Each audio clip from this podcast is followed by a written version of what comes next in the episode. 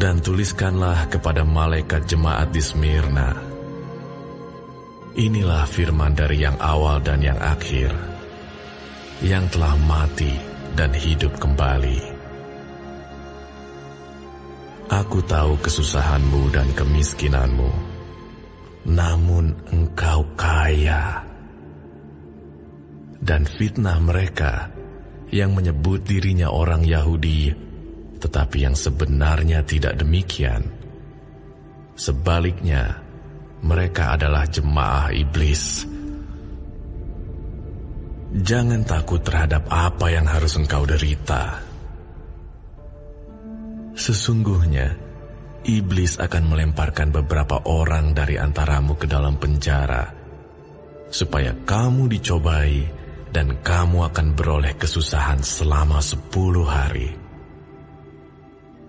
Hendaklah engkau setia sampai mati, dan aku akan mengaruniakan kepadamu mahkota kehidupan.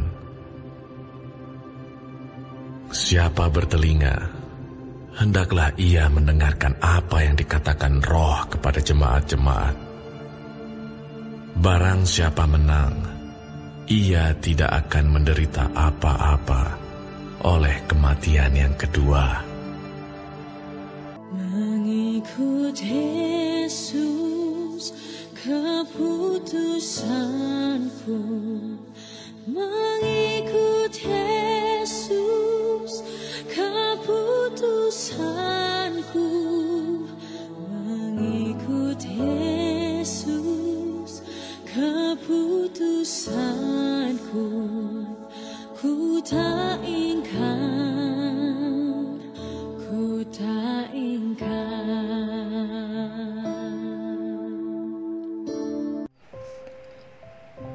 Selamat pagi, saudaraku. Jemaat Smyrna adalah jemaat yang sangat menderita. Mereka mengalami masa-masa yang sangat susah. Dari generasi ke generasi, mereka dianiaya karena iman oleh pemerintah Romawi. Sejarah mencatat, sepuluh kaisar telah menganiaya mereka. Mereka juga mengalami kemiskinan karena mendapat hambatan yang luar biasa dalam perekonomian. Mereka kesulitan berdagang. Mereka dipecat dari pekerjaan karena iman mereka kepada Tuhan Yesus. Belum lagi banyaknya perampokan dan pembakaran rumah yang dialami oleh jemaat. Tidak cukup sampai di situ. Mereka juga difitnah oleh orang-orang Yahudi di hadapan pemerintah Romawi. Hal ini membuat penderitaan jemaat Smyrna semakin meningkat.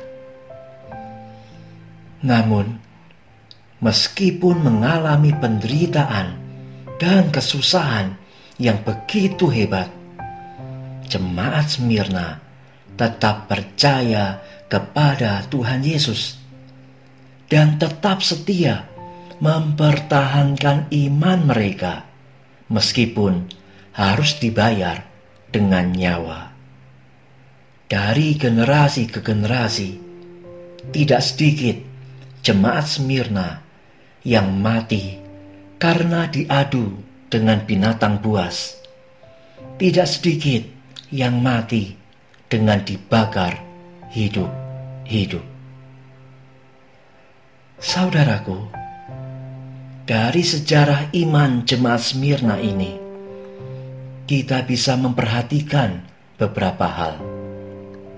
Pertama, yang diperhitungkan oleh Tuhan bukanlah kekayaan materi, melainkan kekayaan rohani.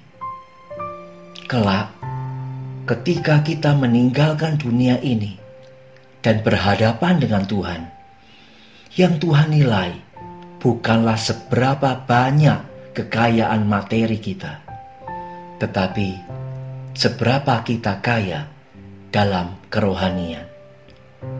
Oleh sebab itu, ketika melihat jemaat Smyrna yang susah dan miskin, Tuhan justru menyebut mereka dengan sebutan kaya.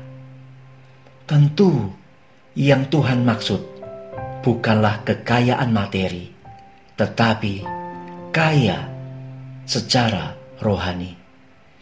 Kaya dalam hal iman, kaya dalam pengharapan dan kasih.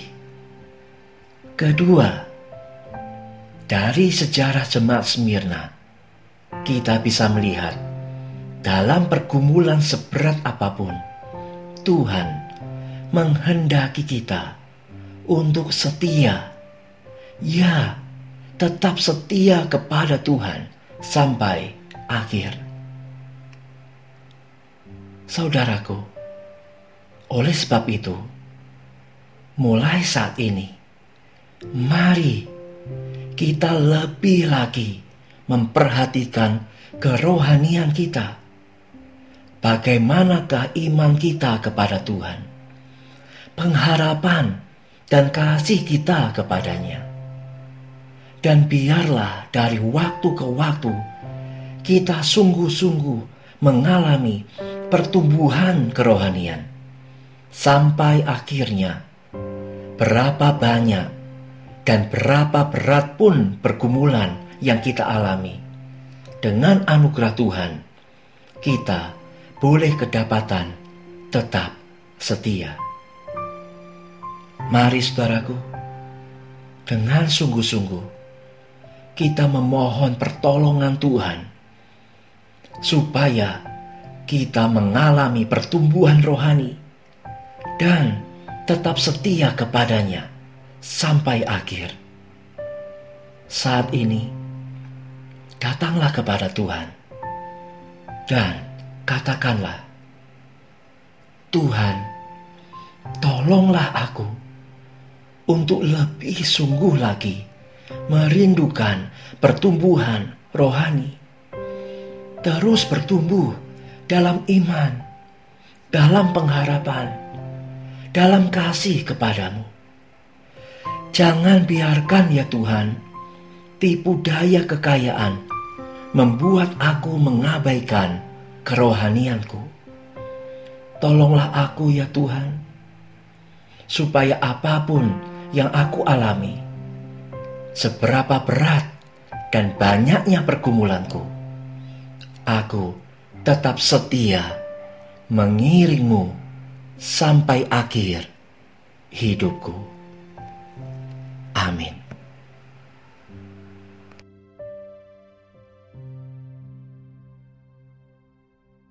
Ku bersyukur kau memilihku menjadi hambamu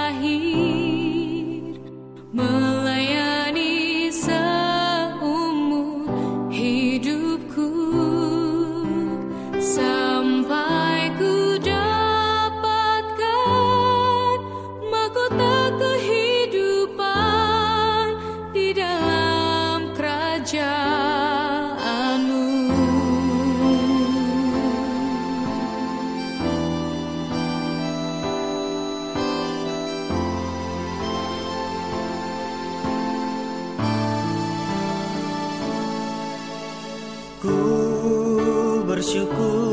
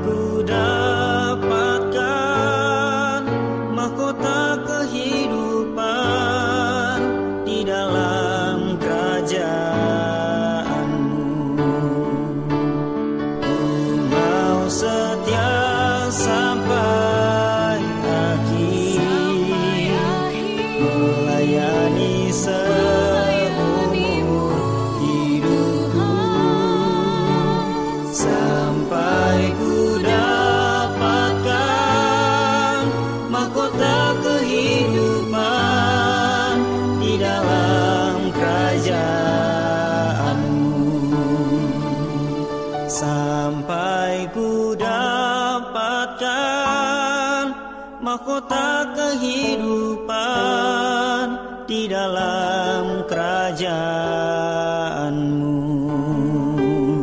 Sampai ku dapatkan